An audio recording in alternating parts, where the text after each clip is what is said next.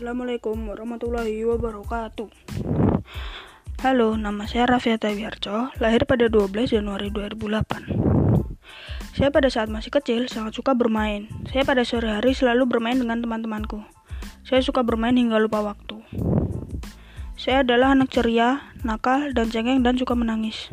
Dulu saya sangat nakal sampai saya ingin dibuang sawah. Suara saya dulu itu seperti cewek, jadi saya malu untuk bergaul dengan teman-teman saya. Saya tidak suka dengan perilaku saya yang dulu. Maka dari itu, saya mulai introspeksi diri untuk memperbaiki hal itu.